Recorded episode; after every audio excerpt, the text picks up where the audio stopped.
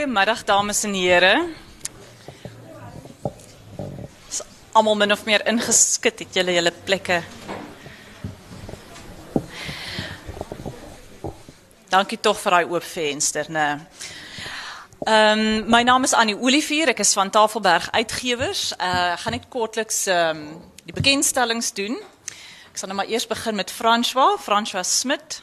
Is die skrywer van Kamp Hoer wat ek hoop julle al gelees het en as julle nog nie het nie, julle gerus moet lees. Ehm um, dis 'n topverkoper. Hy is al vir maande op ehm um, die topverkoperslys te doen uitstekend. Ehm um, François ken ek ook al 'n paar jaar lank. Ehm um, hy het van tevore as vryskut redigeerder gewerk en hy is besonder talentvol daarin. Ehm um, hy is van die begin van die jaar af uh doseer hy letterkunde en kreatiewe skryfwerk aan die Universiteit van die Vrystaat. Ehm um, ja, en ons mis hom reeds vreeslik baie daar by NB Uitgewers. Ehm uh, maar baie welkom Fransja, al die pad ek neem aan dis lekker om na jou jy kom nou wel ook van die Vrystaat mos, maar om nou weer so 'n klein Kaapse toertjie te doen. Dankie dat jy gesprek met Dion sal voer. Dion Lambrecht ken ek ook al 'n hele paar jaar lank. Ons het saam gewerk by Beeld. Toe ek daar begin het, was ek so 'n groot oogjoernalisie. En Dion was die superster. Hy was toe al baie jare in die bedryf. Ehm um, in Beeld se ehm uh, is jaarliks bekroon as die feature skrywer van die jaar.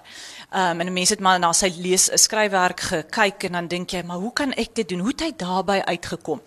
Ehm um, ja, uh, hy het al verskeie poste vervul uh, onder meer as nuusredakteur, maar uh ook destyds was hy uh, Media 24 se verteenwoordiger in Washington vir 3 jaar.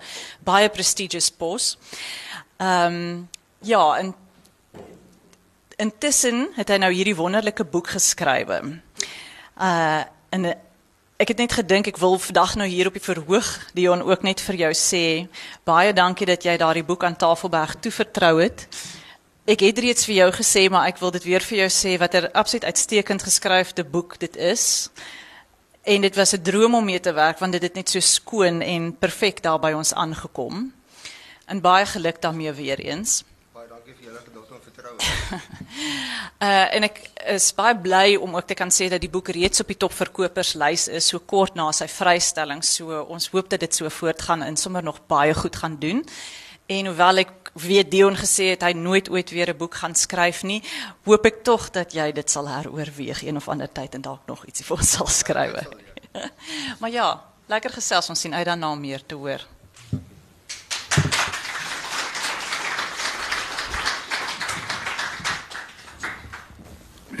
Baie dankie Annie. Dit is ja, dit is vir my lekker en 'n voorreg om vandag met Dion te praat oor sy boek.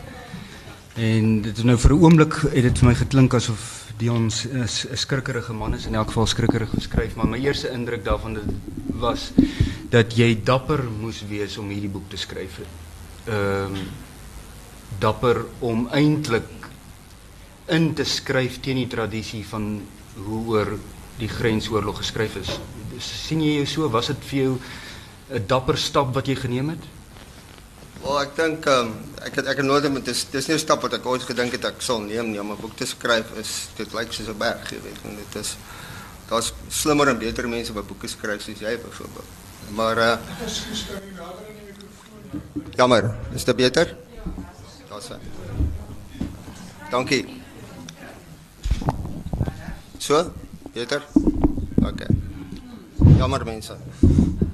Maar uh, wat die vreesaanjaende ding vir my oor hierdie boek was nie enige uh, politieke of strategiese standpunt of so nie. Dit was nie vir my mense noem dit 'n grensoorlog boek, maar vir my is dit net 'n aangrypende menslike storie wat tydens die grensoorlog afspeel. 'n Storie van gewone mense wat onverwags sy helde geword het. En ek was meer bekommerd oor dit wat ek skryf doen aan die mense wat daai trauma deurgemaak het. Want wat jy basies vra om te doen is jy met hulle praat.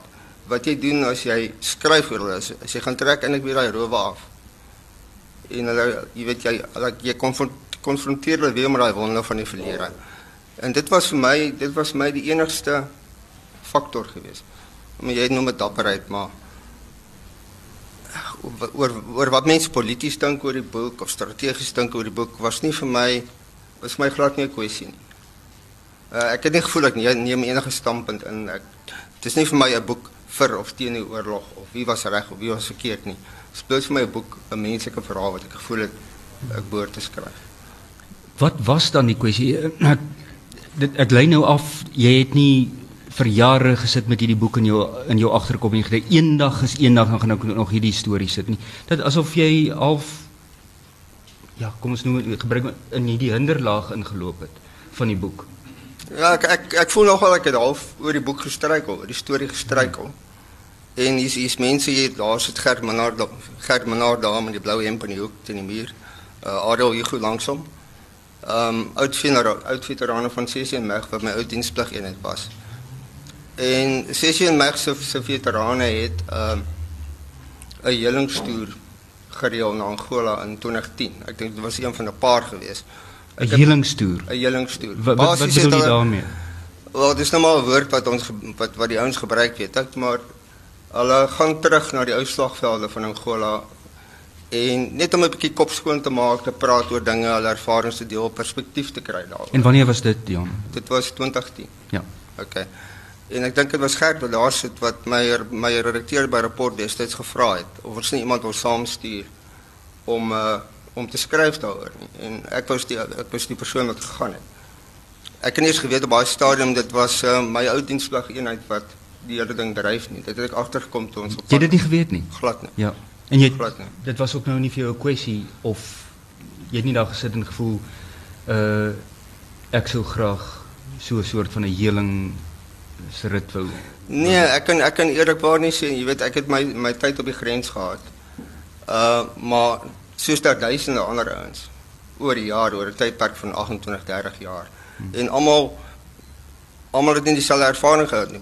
Party ouens het, het het baie baie erger dinge deurgemaak as ander ouens. So die die oorlog het maar sy ritme gehad. Dit was hmm. um, dan het opgevlam, dan het 'n bietjie afgesak, dan het opgevlam en ek het 'n stillerige jaar gehad in, in 83. En as ek jou reg verstaan, so ek, toe iemand vra moet ons wie wil hierdie ehm um, reis dek te steek jou hand op? Nou nee, sy het spesifiek vir my gevra ek oh. wil gaan. En ek het, ek het nog al 'n bietjie gedink daaroor want ek het ek het eerlikwaar nooit eintlik nostalgie gehad oor die oor die oorlog nie. Ek het uh, nooit gewroeg oor die oorlog nie. Dit is iets wat ehm um, ons gaan doen net destyds. Jou broers het dit gedoen, jou pa's, jou ooms, almal het dit was 'n deel van van ons lewens gewees. En ek het ek het eerlikwaar nie geweet of ek lus is om vir 2 weke vaste keer wees te wees saam met 10, 20 ander en so ek kan onthou ons was by toer nie. Wat GV stories vertel. Ja, ja, presies, jy weet. Ja. En uh want ek het nie eintlik sulke stories om te vertel of ek voel nie ek het nie. En jy kan nie op 'n staan besluit dat ek soek nou 'n bietjie ek wil nou 'n middag afvat hierdie. Ek wil nou 'n middag gaan fliek en net 'n bietjie wegkom van hierdie groep en dan weer inkom. Dit werk nie so nie. Jy weet as jy daarin is, is jy daarin. En jy moet maar luister na die stories en so. So jy het jou oorlog gehad, jy was eintlik moeg daarvoor, jy wou net ja. nie herbesoek nie. Ja, presies. Ja. Jy Maar aan die ander kant, 'n mens weet want jy's ou koerant, want instinktief weet jy daar is stories daar, daar stories om te skryf. En dis wat ons doen, koerant man, jy skryf lekker stories. So ek het gegaan. Agterkom dis my ou eenheid. En ons het op die tweede dag van van ehm um, die toer het ons by Tumep ingetrek wat net so sit net so suid oos van die, van die Toshapanne. En in daai omgewing was was 61 Meg se basis um, om Ometia. Net so in die bos 'n bietjie 80 km verder noord noordoos van van die dorpie Tsumeb af. En ons het afgetrek daar, daar's 'n wonderlike ding, 'n Ros met 'n parkeerterrein. 'n Ros restaurant met 'n parkeerterrein en 'n swembad. Ek het nog nooit so iets gesien in my lewe nie, maar dit was baie lekker. En ons het afgepak daar, ons het begin vleis braai en al die dorpenaars het begin opdaag. Ou boere en so aan wat in Tsumeb self woon. Ja. Wat nog steeds in Tsumeb woon, wat ja. destyds al gewoon het in ja. 82, 83. En hulle het die veterane van 61 verwelkom soos 'n um, lang verlore broer, soos familie. En dit het my begin prikkel want daar was ek het ook kant gesien van my ou eenheid wat ek nie geweet het wat bestaan het nie. Want ek meen jy moet verstaan in die weer maar in die leer destyds was daar 'n soort apartheid geweest. Wat range bedaar, was 'n rangstruktuur wat baie nodig is om jy weet om om geldige redes maar al was ook 'n soort van 'n sosiale apartheid tussen dienspligtiges en tussen staande maglede na ure. Okay, nie noodwendig op die slagveld, maar na ure. Jou senior bevelsgroep was staande maglede, hulle hulle en hulle gesinne het in Tsumeb gewoon. Hulle kinders het skool gegaan daar, hulle het in die huise gewoon in die strate. Ons dienspligtiges het in 'n ramkamp gebly daar in die bos. En hy nooit in Tsumeb gekom nie. Ja. Ek dink ek was 'n 9 maande op die grens as ek twee keer in Tsumeb vir 'n paar uur onder streng beheer en hulle vir jou jy mag jy gaan nie in die kroeg in nie. Jy bly weg van die dogters af. Jy weet jy los die meisies, los die kroeg. Jy kan jy kan bank toe gaan en jy kan 'n milkshake gaan drink en jy kan seep gaan koop en shampoo en dan klim jy op die lorry en jy gaan terug bos toe. En dit was my ervaring van Tsumeb geweest. Terwyl hierdie ouens het 'n heeltemal ander ervaring. Hulle was deel van daai gemeenskap. Hulle was in die hart van daai gemeenskap. En dit het my eerste plek begin. Jy hier vir die eerste keer in jou lewe hoe iemand van buite kom en 'n en 'n PF omhels. Ja, verseker. uh, ek dink ek het in 9 maande by grens nooit 'n gewone suidwester in die taal van die tyd ontmoet nie. Die burger het dit nooit gesien nie, want ja. jy, jy het ingekom in jou borrel daar, jou borrel van panser panserstal en gewere en goed en daar het jy gebly en hulle was daar. En vir die eerste keer dat ek daai kant gesien. En daar het hulle gesit om die braaivleisvuur onder die sterre en hulle be, hulle begin gesels oor die ou dae en goed wat hulle deurgemaak het. En daar het ek vir die eerste keer regtig gehoor van die tannie pompies van die boere en nie die boere van Tsumeb en my ou eenheid ja. net saam geveg en gehuil en gerou het nie. Maar werklik soos een gemeenskap was, soos een familie was en dit het en, my Het he, he, jy daai naam geken Pompies? Die, ek het daar kyk ek het um, die boek speel af in 82. My diensplig ek het aangekom daar vir begin van my grensdiens so 9 maande later nadat alles gebeur het. Hmm. So ek het hier en daar die naam Tannie Pompie gehoor. Maar ek het nooit regtig geweet wat agter daardie naam is nie, wat daai naam verteenwoordig nie. En dis wat jy hoor. Ja. En uh daar was 'n oomblik gewees in in Tsumeb. Daar's 'n ou Duitse koloniale hotel. Dit is 'n pragtige ou koloniale dorpie. As jy swak op moon ken, dis 'n bietjie so swak op moon in die bos. Ja. En ons het uit die ou Minen Hotel gekom. Ek het saam met Roland de Vries uitgeloop wat destyds die bevelvoerder van CC Merg was. Is julle toe nou groot vriende? Ek bedoel Nee, glad nie, nee. Ja. Dit is my ongehoord. Ek ja, was onder ongelooflik. Ja. Hy's 'n generaal. Ja. Destyds toe ek diensplig gedoen het, wil hoe verder jy van die senior offisier af wegbly beter want hulle is die ouens wat jou lewe vir jou nee, almal. Dis wat ek sê, ja. dit is een ding hoekom ek die dapperheid storie aangeroer het. Want ja ons almal ons wat diensplig was weet die eintlike vyand was die PS. Ja, presies. en baie opsigte ja, ja. presies. Hulle is die ouens wat jou lewe hel gemaak het want ja. in die weermag het ehm um, het moeilikheid het dit afdraand geloop. Het nie verder die onder was meer van die moeilikheid het jy gekry as ek daai woord van gebruik. Ja, ja, ja. Ehm, um, waar ek net nou vriende geraak deur die proses en bloot omdat hy ek dink 'n diep menslike mens is. Jy het in ehm um, ek het ek het blootstelling gekry aan, aan iemand soos hy wat destyds so ver verwyder was van my. Met jy nooit is Bobby Berg, ek is onder op die tone. Ja. En uh ek dink ook tyd soos verbygaan soos ons ouer word, ek dink mense se perspektiewe verander. Hmm. Jy die lewe ervaar verander, hoe hoe jy oor dinge dink verander. Hoe jy oor die oorlog dink ook. Ja, verseker. Hmm. Verseker. Want daar was 'n tyd, daar was 'n tyd in ons land hier na 94 en so want mense nie eintlik oor die oorlog gesels het nie, want ek dink nie ouens het gemaklik gevoel om te praat daaroor nie. Want skielik was ehm um, jy het 'n ANC regering gehad wat op is wat nie lank terug nie die, ook deel van die vyand was, deel van 'n ek wil sê 'n vyandelike alliansie, SWAPO, ANC almal was almal groot kommunistiese gevaar gewees in daai ding. Uh, en ek dink jy bloot mense het net net soos in Vietnam en die, hoe lank het dit gevat voordat Vietnam veterane begin praat, gemaklik gevoel het om te praat oor die oorlog. En ek dink op 'n manier is dit dieselfde. En ek dink daar's al hoe meer ouens wat voel, hulle was daar. Hulle het geveg, hulle het niks om voor skaam te wees nie weet hulle het net gedoen wat hulle lank van hulle baie stadium gevra het. En uh ek wanneer veterane by mekaar kom, het ek gesien intussen wat ek voorheen nie geken het nie. Ek het nooit kontak gehad met ander veterane. Hmm. Maar dat die boek, die ouens kom by mekaar, hulle deel dinge van die verlede wat hulle saam deurgemaak het wat hulle verstaan mekaar. Hmm. En dit gaan oor kamaradie. Dit gaan nie ek dink mense as mense dink aan veterane wat by mekaar kom en dink hulle aan iemand wat die ou Suid-Afrikaanse vlag hys of die stem. En dis nie wat gebeur nie. Dis nie polities nie.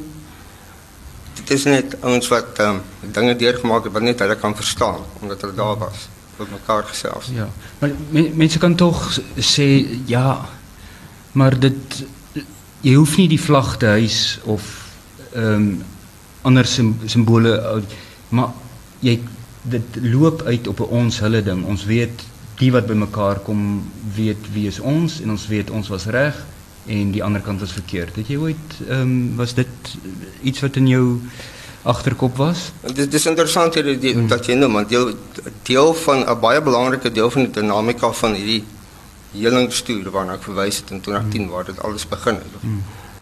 Was Suid-Afrikaanse veterane spesifiek my ou eenheid wat hmm uitgereik het na ou Swapo vyande toe. Ons het in Windhoek het ons saam met ou Swapo offisier in Girelas gebraai en gesels. Hmm. Ons het uh, saam met ou Swapo Girelas wat nou senior offisiere in in nuwe Namibiese leer is, was ons by hulle ehm um, wat noem ons wat noem dit gou die helde akker, né? Het ons daar saam gaan hulde betoon aan die slagoffers van alle kante. Ja.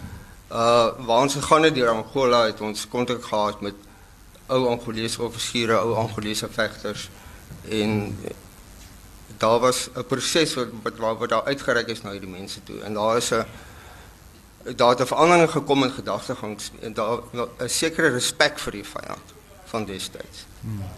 Van van Swapo wat honderde kilometers moes loop tot hulle stewels tot hulle voete gebloei het om teikens te kon aanval en so mee. Hmm. Wat as hy gewond is was daar nie 'n helikopter wat hom binne 'n uur kan oppik en 'n paar ure later in voortrekker hoogte kom wees nie. Hulle het um, as hulle nie in ons hande beland het nie, het hulle gesterf van die veld van hulle wonde. En julle sit toe jy langs die generaal en toe vertel hy toe vertel almal stories. Was okay, jy vat my nou terug na die hotel. Ja. ja, ons het ons het uitgestap by die hotel en 'n jong ou het na Roland de Vries toe gestap en gesê is jy die man wat my oupa so 'n aanbeveling vir sy honoris causa ges, oh. geskryf het. En die oupa is toe Pompie se man. Hmm. Uh, wat gesterf het um, nie ver van hulle plaas af nie. Hmm. Nie ver van waar hy seker 15 30 km. Ek is nie presies seker oor die afstand nie. Hmm. Maar baie naby, jy weet. Dit is eintlik dit klink die bos klink uitgestrek en so, maar eintlik het dit alles in 'n baie klein gebied gebeur. Hmm. En ek kon sien Roland was baie aangedaan. Nou jy jy's dit is 'n hmm. sleutelmoment in die boek ook ja. na die beskrywing van sy van sy reaksie toe dink ek het 'n ontsettende indruk op jou gemaak. Ja, verseker. Ja. Uh maar dit was nog vroeg in die toer. Ons het toe aangegaan deur Angola, Kuta, Konowal gedraai teruggekom. Uh ek het teruggekom 'n reeks van 4 artikels geskryf vir rapport oor die toer en regter Angola en so aan. Maar ek het nooit oor Pompie geskryf nie want het net gevoel vir my gevoel Pompeo se storie is baie groter as wat ek dit kon akkommodeer in die reeks artikels. En die artikels gekom en gegaan, dit was in die koerante gewees, maar Pompie se storie het my bly pla. En op 'n stadium heel impulsief het ek vir het ek vir Annie 'n e-pos gestuur en gesê hoorie, dink jy dit sal 'n boek wees? En Annie het gesê ek sal dit vat, ek sal dit vat na ons volgende vergadering toe. En Tafelberg het terugkom en gesê ek hou vir dit. Wat sê Wat sê jy toe waaroor gaan hierdie storie van jou? In eh, op som wat wat Dis my dit is 'n storie wat gaan oor gewone mense. Hmm. Jy weet ons ons dink so graag aan helde as sportmense, politici, generaals, uh opgeleide soldate. Pompie was 'n groot vet boervrou, kettingroker. Sy het emfoseem gehad van al die rokery wat jy al dag in haar kombuis gesit het. En laat is na weet jy inderdaad nie 'n versag wat sy was nie, maar dan maak jy probeer jy weer van haar iets maak wat sy nie was nie. Poleer nou weer haar image. En dis wat sy was. En sy was by Paul ook 'n bedonderde ou tannie gewees het al gehoor. Wat sommer 'n paar vloekwoorde oor die radio gegooi het en so. Dit sê jy nou nie in die boek nie, nê? Nee. nee. maar daar's nog ek ek leer nog steeds meer van haar elke dag. Want elke dag is daar mense wat my kontak en sê, "Hoorie, ons het ons ken ook ons het ook vir Pompie oor die radio gehoor."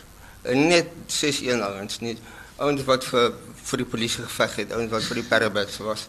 Allei honderde ouens, dis en dis ongelooflik. Staan net 'n bietjie daarby stil want ek dink jy's nou baie mense wat wat nou nog nie die boek gelees het nie wat wat bietjie wonder nou nou wat presies was dan dan die Pompie se storie sonder om die boek se lekker te nou weg te gee. Kyk, hulle het ehm um, toe die Portugese pas uit Angola uit. Ja. En na hele gemors in die Barreeroorlog in Angola breek uit en die vlugtelinge be, begin oorkom, die Portugese vlugtelinge. Tsumeb was een van die eerste plekke, hulle eerste haltes. Jy het inderdaad hulle in tente gebly en die plaaslike mense het gehelp om die balwas te voed en kos te maak en klere gee en so aan. En op daai stadium dink ek was dit duidelik geweest. Daar was operasie Savanna wat daai Suid-Afrikaanse ingryping geweest, maar dit polities, ek dink vir die politieke basis in Pretoria het duidelik geword dat hulle operasie Savanna gaan nie die uitkoms van wat in Angola gebeur bepaal nie. Hulle gaan 'n uh, hulle gaan 'n uh, Marxi hulle gaan 'n marxistiese regering op Suidwes grens hê wat simpatiek gaan wees teenoor SWAPO wat so SWAPO basis gaan gee om Suidwes binne te val. En toe is daar jy weet in die oor- oorlog het natuurlik soos almal weet van daar af begin eskaleer. Ek wil nou nie 'n geskiedenisles maak nie, maar deel hiervan was dat die kommandostelsel in Suidwes en ook in Tsumeb, die plaaskommandostelsel soos ons voorheen in Suid-Afrika gehad het, is jy weet die die, die organisering daarvan, die opleiding van mense, bewapening van die mense sodat hulle hulle plase en goed kan beskerm. Is is geeskaleer. Hmm. Jy weet nou nou praat jy van ouens wat boere was wat geboer het en komando vrywilligers geword het wanneer SWAPO ingekom het het hulle die boerdery gelos, 'n uniform aangetrek, 'n geweer gevat en gaan help veg en saam met ouens se 61 weggewerk. Uh die boere van Tsumeb is is is 'n jy weet 61 byvoorbeeld die ehm um, die slaankrag gehad. Maar die die boere het die kennis van die terrein gehad, hulle die spoorsnyers gehad. Hulle pla hulle Oesmans plaaswerkers was het as spoorsnyers gewerk. Hmm. En so was daar daai kombinasie wat net wat net baie effektief was, meeste van die tyd. Behalwe wanneer die een ding wat Swapo gehad het altyd was die verrassingselement. En soms het hulle beter gebruik as ander. In 82 het hulle baie waar in die boek afspeel, het hulle baie baie goed gebruik. En daai gemeenskap baie hard geslaan. En jou boek gaan as jy sê jou boek gaan eintlik oor hoe gewone mense plaasmense dan nou deur die oorlog geraak is. Ja, daar's vir my twee dinge daar wat vir my uitgestaan het. Dis een was dat omtrent al die grensoorlogboeke waarvan ek nog gehoor het, was geskryf deur Suid-Afrikaners wat soontoe gegaan het, daar geveg het, teruggekom het, aangegaan met hulle lewens en geskryf het oor hulle ervarings. Uh party was op 'n menslike vlak, party was politici wat hierdie agenda gehad het of dit wou wou dryf. Party was ehm um, generaals wat 'n meer strategiese agenda gehad het. Maar ek het nog nie eintlik 'n boek gesien deur gewone mense en spesifiek mense van Suidwes van Namibië wat daar gewoon het, die oorlog na hulle toe gekom, hulle moes veg. En toe ons Suid-Afrikaners pad gee onder resolusie 435 uh voor die voor die voor die ehm um, voor onafhanklikwording van Namibië, hulle het agtergebly. Ons het teruggekom, hulle het agtergebly. Hulle het dieselfde onsekerheid gehad as wat baie mense in hierdie land in 1994 gehad het. Hulle het geweet of die Kubane oor die grens gaan kom toe met toe of nie. Die grens is wat 120 km weg met 'n goeie teerpad. Ja. Ehm um, het daar gebly, het aangepas. En vandag as jy met daardie mense praat wat in 82 al daai trauma deurgemaak het, sê hulle vir jou ons was bang, ons was onseker, ons het verraai gevoel deur Pretoria. Maar vandag is ons gelukkig hier. Ons het 'n vredesame land, ons bly in vrede en geluk. Ons voel jammer vir julle Suid-Afrikaners. Ons voel ons voel jammer vir, vir ons bure wat hulle plase verkoop het en pad gegee het Suid-Af- Suid-Afrika toe. Want ons weet hulle wil nou terugkom. So dit was my interessant. Ek wil 'n bietjie van hulle storie vertel, ja.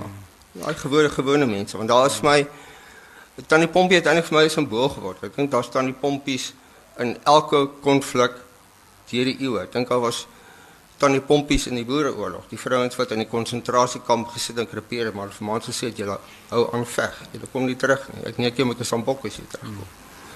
So, En hulle stories word nie vertel nie. Die, Ja. die stories van die vroue en hulle stories word nie genoeg vertel. Ek dink jou boek, ek dink Kampoer vertel dit ook. Ja. Maar ek dink nie jy kan ooit hulle stories genoeg vertel nie. En die ironie daarvan is dat ehm um, Tannie Pompie dit uit haar eie kombuis gedoen het. Die kombuis ja. wat ehm um, die vroulike ruimte nou by uitstek uh, geword het dink ek in 'n boerderygemeenskap, in 'n tradisionele boerderygemeenskap. Ja. Nou sy jy weet sy het nooit sy was 'n komando vrywilliger, maar as sulks het sy nooit 'n uniform gedra nie. Weens haar weens haar liggaamsbou. Jy weet sy was groot en vet geweest en sy kon nie sy het sulke geblonde rokke gedra wat sy self gemaak het. En daar was 'n sementdam buite net buite die kombuis. Dit word vrek warm en daai dele sou almal weet wat daar was, 40 40 grade en so aan. En as dit te warm word, het sy opgestaan van die tafeltjie na kombuis na radio's af en sy in haar rok en al in die swembad gaan klim, afgekoel en dan uitgeklim en dan weer voor die radio gesit. En met die infiltrasies wat elke jaar gekom het hier in April elke jaar soos klokslag. Mm. Net nadat dit gereën het en daar's genoeg water wat staan in die veld sodat die koralas water het om te drink, want hulle water nodig gehad. Het sy dag en nag voor daai radio gesit. Jy weet en dit is ook deel van die tragedie die trauma van daai spesifieke gesin van die Wesduisen was hulle van die van die Wesduisen is dat weens die radio's sy sy kon nie ma en syner wees die hele tyd nie. Jy weet haar jongste dogter wat toe 12 jaar oud was wat haar pa verloor het en het ehm um, voel sy sy het sonder ma groot geword. Mm. En sy sy sy sy het nog baie woede daaroor, sy het nog baie sterk emosies daaroor. Sy sukkel nog om dit te verwerk. Mm. Wat dink jy het ehm um, wat was die beweegrede vir ehm um, Tannie Pompie om daarbey betrokke te raak, maar nou nie net daarbey betrokke te raak nie, maar so byna obsessief daarbey betrokke te raak. Wat wat dink jy lê daar agter? Wel, ek dink in die eerste plek was dit noodsaaklikheid geweest. Hmm. Jy weet van daai, jy weet ons praat van grensboere van die Oos-Kaap 300 jaar gelede, maar daai ouens was hulle was grensboere geweest. Hulle was die eerste, hulle was amper die eerste linie van verdediging geweest as as swape oor daai kaplyn gekom het. Want hulle plase was 'n paar kilometer weg van die kaplyn af omtrent fisies net onder Tsinsabus. As jy daarna kyk. En as jy gaan kyk op 'n kaart waarvan hier die meeste van die voorvalle plaasgebiede waar boere aangeval is, jy kan amper so 'n lyn trek so. En sê hier en hier is die kaplyn. Daar het oor gekom, reg klaar. Maar in elk geval so ek het 'n bietjie met Roland gesou, Roland Vries gesels en hy voel hy hy voel sy dalk dalk was dit 'n selfbeelding gewees met haar, jy weet. Ehm um, sy na eie woorde, sy het so 26 bladsye van haar eie herinneringe van daai tyd neergeskryf. En dood gegaan voor sy kon voltooi in in 95. En daarin sê sy dat sy die woord wat sy gebruik is diensbaar, sy diensbaar gevoel. Hmm. gevoel. Wat 'n interessante keuse is want diensbaar is militêre vaktaal. Jy weet jy sê nie 'n voertuig is reg of hy kan ry nie. Hy sê hy's diensbaar. Dit beteken hy's reg. Hy werk. Ek het dit nie ja, goed. ek het dit nie geweet nie. Ja, ja. Sy het net gesê ek voel van dit nie. Sy het gesê ek voel diensbaar. So dat dit voel vir my sy het in daai militêre milieu, daai manswêreld. Het sy gevoel hier is 'n plek waar sy haarself kan laat geld. Mm. As 'n mens, as moskien meer as 'n mens, as 'n vrou. Ja. Uh en sy jy weet sy sy het legendaries geword daaroor dat sy sy het dan nie gesteer in radio protokol nie. Jy weet daar radio ja, radio protokol in, in in die leer is baie spesifiek. Jy mag jy praat op sekere kanale. Ja. Jy het sekere funksies wat jy doen as 'n syner. Jy meng jy weet jy meng jy nie hier nie. Dit is baie rigied. Jy moet by radio prosedure hou. Ja, ja. Ja. Nou pomp jy daar nie daan gesteer nie. Wat sy kon almal hoor op een of ander manier. Dis een van die goed waar waaroor sy legendaries was. Ja het sy het haar eie antennes gebou en ontwerp en sy kon kommunikasie kry waar die leersesyners so dikwels nie kon kry nie. En sy gehoor het maar hier is iemand met 'n probleem, maar sy sê maar kom ek help jou gou uit, jy weet. En sy het net so heen en weer oor grense oorgesteek in die land. Die Alpha Bravo of jy weet daai nie op ja, daardie manier, sy het net gesels. Ja, en as iemand sê iemand verdwaal is, En sy sê van Boet waar sy en hy wil vir begin Alpha Bravo whatever right verwysings gee en sy sê hom ag if jou man sien is my waar sy en uh, wat ek begin sien in my eie kop amper is is is is, is 'n vrou wat weens hierdie groot lyf van haar en sy's vasgekluister in die plaas kom bys maar deur die radio word sy gewigloos en sy, sy kan sweef en gaan waar sy ja, wil ja Ja, dis oor alle grense heen, oor alle fisieke ja. grense heen. En ek mm. dink ek dink sy het baie verknog geraak daar. Mm.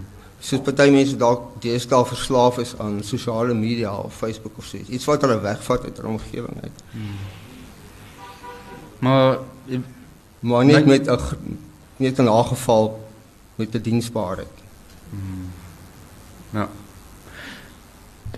Byna 'n groter teenwoordigheid as sy in die boek is is wat was hy? Kolonel, generaal Uh, Roland de Vries Roland de destyds Vries. was kommandant geweest. kommandant Roland de Vries self.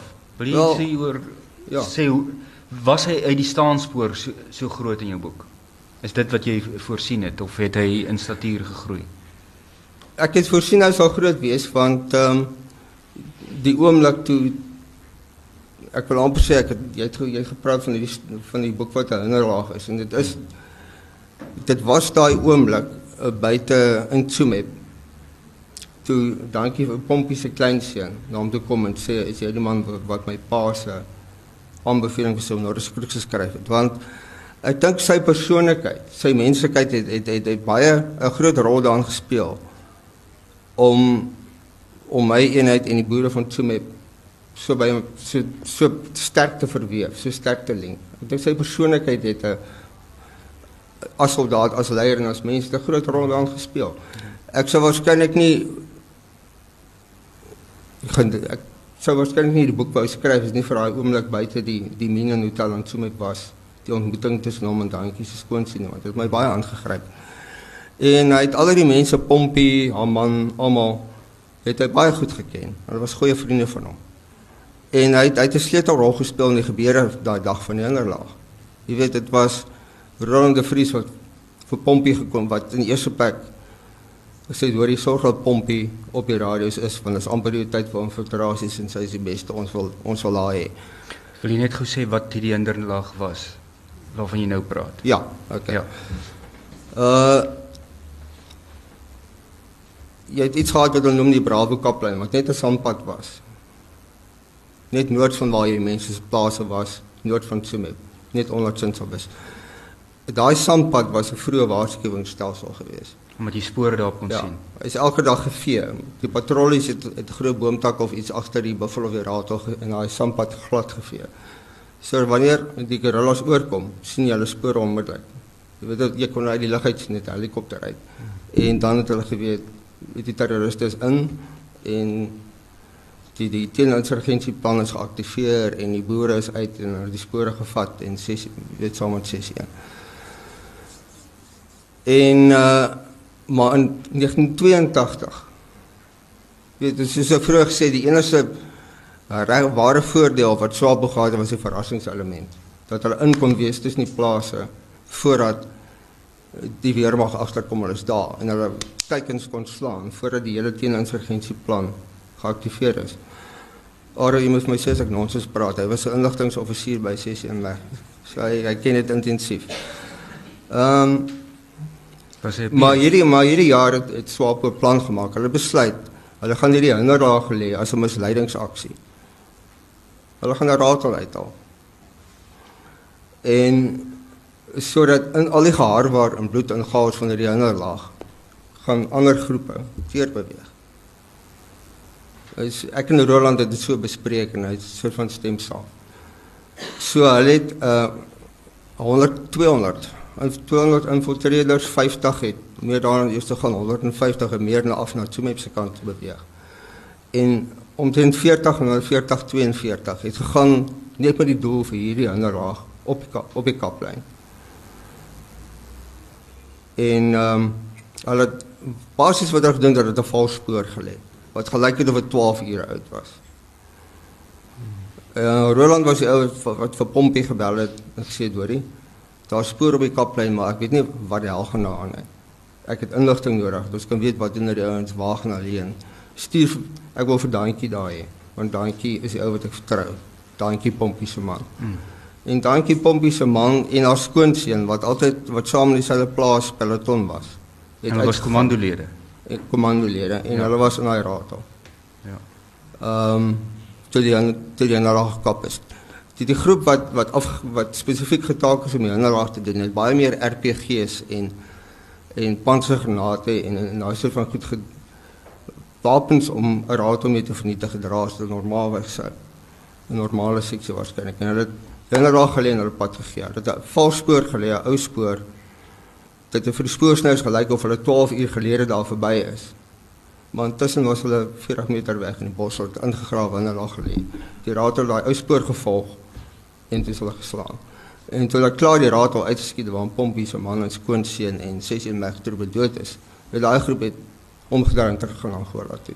So dit was al die enigste doel geweest. Hmm. En ander verder deur beweeg en daar's nog boere dood gegaan in die volgende paar dae en nog 16 mense. So dis die ander laag wat ek verwys, ja. ja. So I mean uh, Roland was instrumenteel daai dag en dat hy het gesorg dat pompie op die radio is want hy was die beste. Hy het gesorg dat daai keer in daai spore gaan kyk want volgens hom was hulle die beste en dis natuurlik aan hulle van dankie gesterf het en alles wat intussen gebeur het. So hy is my in hierdie hele storie Pompiele en die boere van Tsumeb is my deel van 61 se storie. En 61 is my deel van Tsumeb se boere se storie. Dis my een storie. En ek het een sterk stem gesoek vir 61 se kant van die storie en dit was my Roland de Vries want hy was die beste ingelig geweest. Hy het die besluite geneem op daai dag. En hy het ook hierdie hy het ook hierdie diep menslike betrokkenheid by daai gemeenskap. Soos baie ons van sessie mag steeds het. Ja. Kyk daar's 'n uh, hele paar st ander stemme wat ook saam praat wat ehm uh, uh, um, nou minder of meer ehm um, spreekbeurte kry, maar een van die ehm um, waarna ek nou dink en wat wat jy ek, ek jy gebruik die woord ehm um, infiltreerders of in, insurgente en wat as dit ware jou boek ook ehm um, infiltreer is ehm um, Danger Archipala. Is dit is 'n Archipala, ja. Ja. Wil jy kyk ek wil vir jou twee dinge vra oor jy kan miskien sê wie en wat hy was. Maar wat ek ook wil hê is in watter mate jy gevoel het om watter rede ook al dat hy praat kans moet kry in die boek. Ek dink ek kan dit eintlik terug terugtrek na manier toe. Ek kom heeltyd terug na daai 2010 toer toe. Ek noem dit die heringstoer. Mense kan seker ander dinge noem, maar ehm um, en en een en die een van die onderliggende dinge van daai toer was om uit te reik na die ou vyand toe om hulle respek te gee. Te sê ons was eintlik maar net almal manne met gewere in die veld. Weet die politisie verklaar oorlog, soldate verklaar nie oorlog nie. Of jy nou dienspligtig is of of 'n professionele offisier. En uh ja, ek dink ek ek wou alle kan ek wou hulle kant van die storie ook 'n bietjie gee. Ek meen dit dit, dit klink vir my ek weet ek weet die leerouens op die grond destyds kon nie altyd mooi verstaan wat wat 'n swapo ou sal dryf om 500 km uit Angola uit te stap te stap met die voet nie. Hulle kon hulle kon nie net oor die grens kom nie want Suid-Afrika het skoon gemaak daai kant met operasie Protean so. Ehm um, om 500 km te stap net vir die geringe kans om dalk 'n teiken daai kant uit te haal. Daar was dit was dit was eintlik selfmoordsendings geweest meeste van die tyd. Want daar was geen manier wat hulle kon as die teeninsurgensie al dit ingekom, al die bietjie verrassing wat hulle gehad het gebruik en sodra hulle spore gevat is, het hulle omgedraai en gehardloop terug Angola toe. Hulle enigste kans vir veiligheid was om maar 400 km vertikaal terug te hardloop. Wat hulle bitter selde bitter min kon regkry. Daar was nie helikopters om hulle medies te help nie. Daar was nie artillerie om hulle te ondersteun nie. Daar was nie vegvliegtuie om hulle te ondersteun nie. Nie hospitale nie. En ek dink dit was vir ons offisiere was dit was dit eintlik moeilik om te verstaan wat hierdie ouens kon gedryf het. Wat motiveer jou om dit te doen? Dit is iets En uh, so ek ek wou 'n bietjie van daai kant van die storie maar dit was 'n moeilike ding vir my gewees want uh, ek het probeer om onderhoude te kry spesifiek met Swapie Rollas wat daar geveg het in daai in 82 wat daar was. Ek het 'n paar reise gedoen Windhoek toe en verder noord hmm. en ek kon net nie ek kon net nie iemand kry nie. Van Danger het ek ietsie geweet. Danger was die bevelvoerder van die basis in Angola hy was in beheer van die opleiding waar waarvoor hierdie groep opgelei is spesifiek om Tsumeb aan te val na Hinderlaag te lê. Dit was Danger se plan geweest. En hy het 'n interessante geskiedenis gehad want Danger was ook die ou wat ehm um, Johan van der Mest ontvoer het. Skutter Johan van der Mest. Wat 'n jaar was dit? Ek vergeet net. Dit was Ja, ja, ja. en ek kon iets sien in in in wat in wat hy gedoen met Johan van der Merwe en wat hy gedoen het met die ander laag. Want uh, Louis Bo Louis Botma die die militêre historikus ja, ja. het uh, het 'n dokumentêre video gedoen. Hy het Johan van der Merwe en Danger Ashipala, die ontvoerder en die ontvoerde bymekaar gebring na baie jare. 'n bietjie die ware storie daar agter te vertel. En as ek jou uh, van jou boek was dit 'n direkte bevel van Sam Njoma aan is ek reg aan Danger en sê jy moet vir ons 'n wit soldaat val. Ja, dit is nou van 'n mes. Ja. Hy het destyds het hy en dit was nog vroeg in die begin van die Bosoorlog. Was hy by Danger se basis en hy het gesê hoekom kan ons nie 'n boer vang nie? Bring vir my 'n boer. Dit was vir vir propaganda doeleindes natuurlik, net om te wys dat kan. En Danger as Paul het gesê ek sal gaan. En hy het die hele operasieplan oor die grens gegaan, 10 km by stadium. Ek dink as drie ouens dood daar daai nag en hulle het vir danger ag vir uh, van 'n mes ontvoer. En soos dit soos dit toeval het, hè, seker nie toeval nie. Was danger in beheer van die Typhoon basis naby Lubango in Angola waar hierdie kiralas opgelei is vir die spesifieke operasie waar Pompie hulle gesterf het. Ag Pompie se man hulle gesterf het. En Wel, uit Roland, ek en Roland het baie daar gesels. Sy perspektief was die enigste werklike rede waarom hulle hierdie amper selfmoordsendings gedoen het jaar na jaar, elke april omtrent. Was vir propaganda. Hulle moes wys. Hulle moes vir die wêreld wys, hulle moes vir die mense wat vir hulle wapens gee, wat hulle polities ondersteun. Hulle moes wys hulle kan die boere seermaak. Hulle kan wit Suidwester seermaak. En dis kon maar jaar na jaar weer gekom het. En hierdie jaar Danger besluit hy gaan 'n plan maak ek gaan regte propaganda maak, ek gaan raad al uit. Ons gaan nie weg op. Hierdie keer rol ons nie weg vir raad, ons haal hom uit.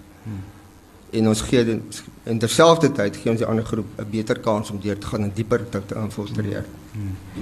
So kyk as jy nou enigsins gesteer het aan aan die stem van danger in jou boek was dit vir jou ooit 'n oorweging dat danger vir jou gesê het as jy skryf oor hoe daai oorlog gewone mense geraak het. Moet jy nie ook dink aan hoe dit die Ovambos wat daar gebly het, ehm um, ge, se lewe geraak het, die wat ons genoem het die PB's. Ehm um, was dit 'n oorweging vir hoe jy die storie vertel het en hoe in die die, die prominensie ehm um, wat jy byvoorbeeld aan aan Danger self gegee het? Uh kyk, is natuurlik nie Danger nie. Ek het Danger was Danger was vir my in die konteks van die boek en die konteks van die verhaal, hy was amper die teenvoeter vir vir vir Roland de Vries. Hy het twee bevelvoerders gehad aan alle kante. Mm. As jy nou 'n bietjie aftrek laer na grondvlak toe, soos jy soos ek dink jy nou bedoel. Was daar Lucius Malambo? Ja, ja, ja, okay. dit is 'n ander naam. Die gewone ja. gewone swapo ou wat gevang is die vorige jaar.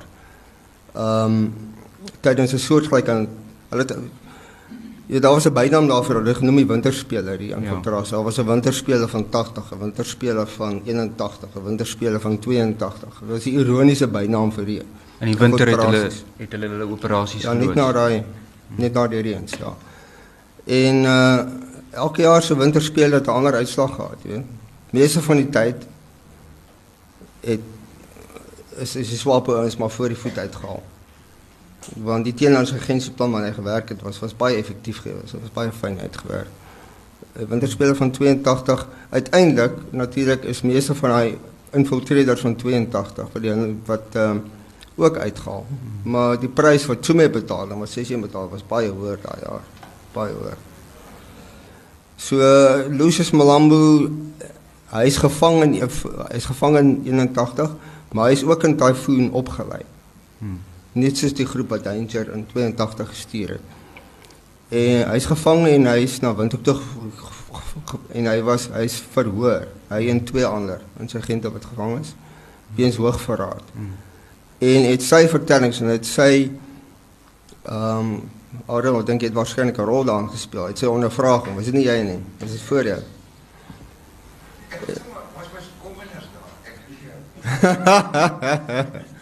Nee, ook nou, maar anyway. Ehm um, en dit sy ondervraging oor hoe hulle hoe hy opgelei is, hoe hy gewerf is, hoe hy aangesluit het by Swapo, hoe hulle oor die grens gestap het tot tot in die Tsumeb omgewing, hoe hulle gevang is daar, kon ek 'n karakter skep. Maar dit is alles waar, ek sê dit is dit is op rekord, dis op die hofrekord en so. Hmm. So ek het hom maar ook gebruik om die, om die gewone swapo ou se se ervaring 'n bietjie 'n bietjie deur te deur te probeer deur te trek om dit die, ja. die ander kant ehm um, te gee ja. van hierdie van hierdie storie. Uh maar aan die aan die einde van die dag, jy weet mense kon seker nog 'n jaar gevat om met die boek en daai kan meer uitgebrei het. Maar aan die einde van die dag het net vir my gegaan en ek kom Pompie hulle. Pompie wat vir my 'n simbool geword het van daai boeregemeenskap en van gewone mense soos sy wat met oorloof wat nie hulle toedoen is nie wat net hmm. ongelooflike dinge deurmaak en hmm. oorleef en doen. Hmm. Ek sien jy uh, jy dra die boek ook op aan jou seun. Ja. Is ek lei af omdat jy dink dit is 'n verhaal wat spesifiek die volgende generasie ehm um, van kennis moet neem en nie so seer ons wat daar was nie. Maar lê ek reg af as jy as jy daarmee wil sê moet nie hierdie stories vergeet nie. Ja, ek dink tog so, jy weet want ons geskiedenis word ook bietjie herskryf teenoor Ehm um, en sonder politieke stellings te maak, dit is so, jy weet as as ek kyk na die geskiedenis wat my kind op skool leer, is daar ander geskiedenis as wat ons geleer het. So ek dink ons moet almal maar ons ook ons deel doen om ons kinders ook alle kante van die geskiedenis te leer, ook van ons eie geskiedenis as Afrikaners en as Afrikaanse mense. Ehm um, en dit gaan nie oor reg of verkeerd of PC of nie PC nie. Dit gaan maar net oor dis deel van ons geskiedenis. Hmm. En dit is tog dit is ook deel van my geskiedenis. Ja. Kyk, uh en dit is een rede hoekom ek aanvanklik gesê het dat jy, dat jy dapper was om om 'n om 'n positiewe storie oor die oorlog te skryf want die die vorige die vorige vlaag van ehm um, grens stories was byvoorbeeld dit waarvan Chris Lou en sy generasie mense wat so gatvol was en in opstand gekom het teen die maghebbers, teen die generaals, teen die bevelvoerders, teen die politici, teen die mense wat ons en en dat dit hulle gedryf het en dit lyk vir my asof asof dit daai stroom is waarteen jy inpraat. Was dit doelbewus vir jou 'n oorweging dat jy in wou praat en 'n ander storie wou wou vertel as die ene wat wat wat die debat tot in hierdie stadium oorheers het. Dit is maar interessant dat jy dit sê want ek ek het ek het nie um, hierdie boek begin skryf met enige doel of agenda nie. Dit wat dit is vir my gaan daaroor om 'n positiewe oorlogstorie te skryf of 'n negatiewe een of 'n ek is 'n ou koerantman. En vir my is dan die Pompie se storie in essensie in sy suiwerste vorm is net 'n 'n lekker aangrypende storie. En ou koerantman wil altyd lekker aangrypende stories vertel. So ek het absoluut geen weet mense sal dit seker lees en verskillende dinge daaruit vat en is heeltemal reg want as jy dit klaar geskryf het is daai boek nie meer jou eiendom nie dink ek. Dan is dit almal sin. Ja, jy gee hom weg vir die leser en as 'n ja, ou koerantman weet jy ook baie goed wie jou leser is ja. en jy skryf vir jou leser. Wie is jou leser, jou teikenleser? Hier sit hulle. wie is hierdie mense? Ek dink hulle is mense soos ek, jy weet hulle is Afrikaanse mense, hulle is Afrikaner mense, hulle het huise, kinders, werk, skool kyk rugby, kyk cricket. Uh van braai. En uh en dis mense wat elke dag doen wat hulle moet doen, maak nie saak hoe moeilik dit is nie, hulle doen dit. En wat doen jy elke dag? Ek is deesdae herskrywer by 'n huisgenoot. Ek vat ander ouens se stories en verfyn dit of verwerk dit of bedoel jy ek is ek is in 'n engine kamer deesdae van huisgenoot. Ja. En waar kom jy hoe het jy daar beland? Wil jy bietjie eh, iets sê oor jou loopbaan as as joernalis, as 'n man wat wat 'n baie fyn sintuig het dan soos Annie ook aanvanklik gesê het vir vir stories. Ag die, die meeste van my van my lewe van my loopbaan was maar by koerante so van 84 85 af.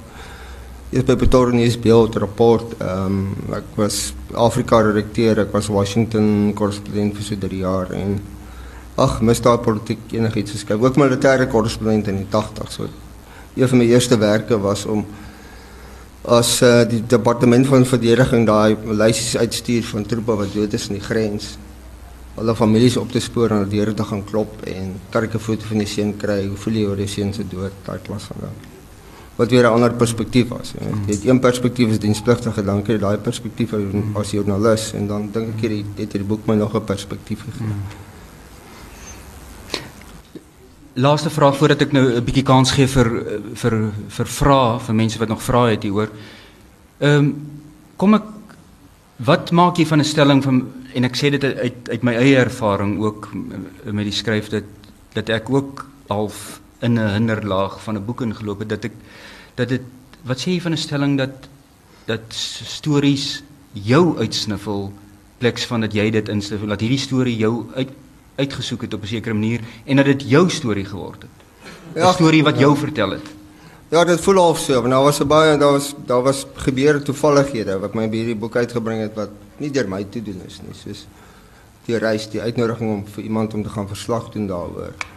Ehm um, en as het, as dit nie was vir dat ek ook dat my ou diensplig eenheid so deel was van die storie en dat ek daar was nie. Daar daar's tog 'n persoonlike skakel vir my. Anders sou ek dalk net gesê die eerste is 'n fantastiese storie. Iemand moet dalk 'n boek skryf daaroor, maar dit gaan nie ek wees nie. Maar ek het tog 'n persoonlike band gevoel daar. Dis kom ek sê, jy weet, as Annie sê, wanneer kom die volgende boek? Ek sê ek weet nie wat gaan gebeur nie, want ek weet nie of so 'n storie my ooit weer gaan vang nie. Ek weet nie waar gaan haal met jy weet jy kan nie seker goed dat jou duim uitsuig nie. Dit is net ongelooflik. Jy wag tot die vir die volgende hinderlaag. Ja, absoluut. Ja. ja. Baie dankie vir u. Ja, ons moet ongelukkig hier al troep. Dis 'n volgende program van my kant af. Dion, baie dankie. Baie geluk. En van ons albei af baie baie dankie vir julle belangstelling dat julle kom luister het. En Dion sal nou boeke onderteken by die boeketent vir diegene wat dit nog wil koop.